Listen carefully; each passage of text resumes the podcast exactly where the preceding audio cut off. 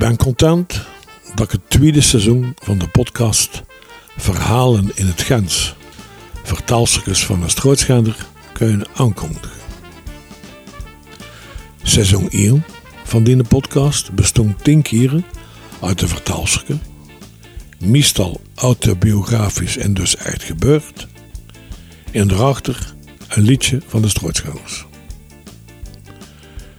In seizoen 2 is alles autobiografisch en echt gebeurd, met een langer vertaalstukje en geen liedje.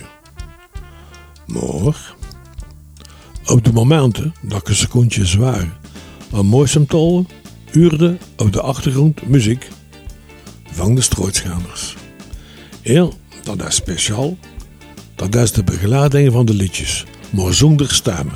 Of met andere woorden, een karaoke-versie van de straatschanderliedjes. En dat is dus beschikbaar, die begeleidingen.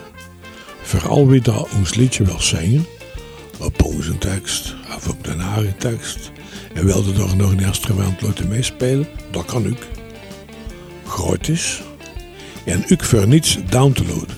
Alles terug te vinden op de website www.straatschenders.be. Zijn er in mijn vertaalstukjes woorden of uitdrukkingen die je niet kent? Moet niet beschomd zijn, hè? ik doe het expres. Ik zoek er de moeilijkste uit. Maar op de website vind je ook de vertollingen in het algemeen Vlaams. Ja, en uh, vind je elders een podcast in het Gens? Laat het nou weten, want ik paas dat ik nog altijd de nieuwste ben. Een unicum. De muziek die hier huurt is de begeleiding van de Zierluper.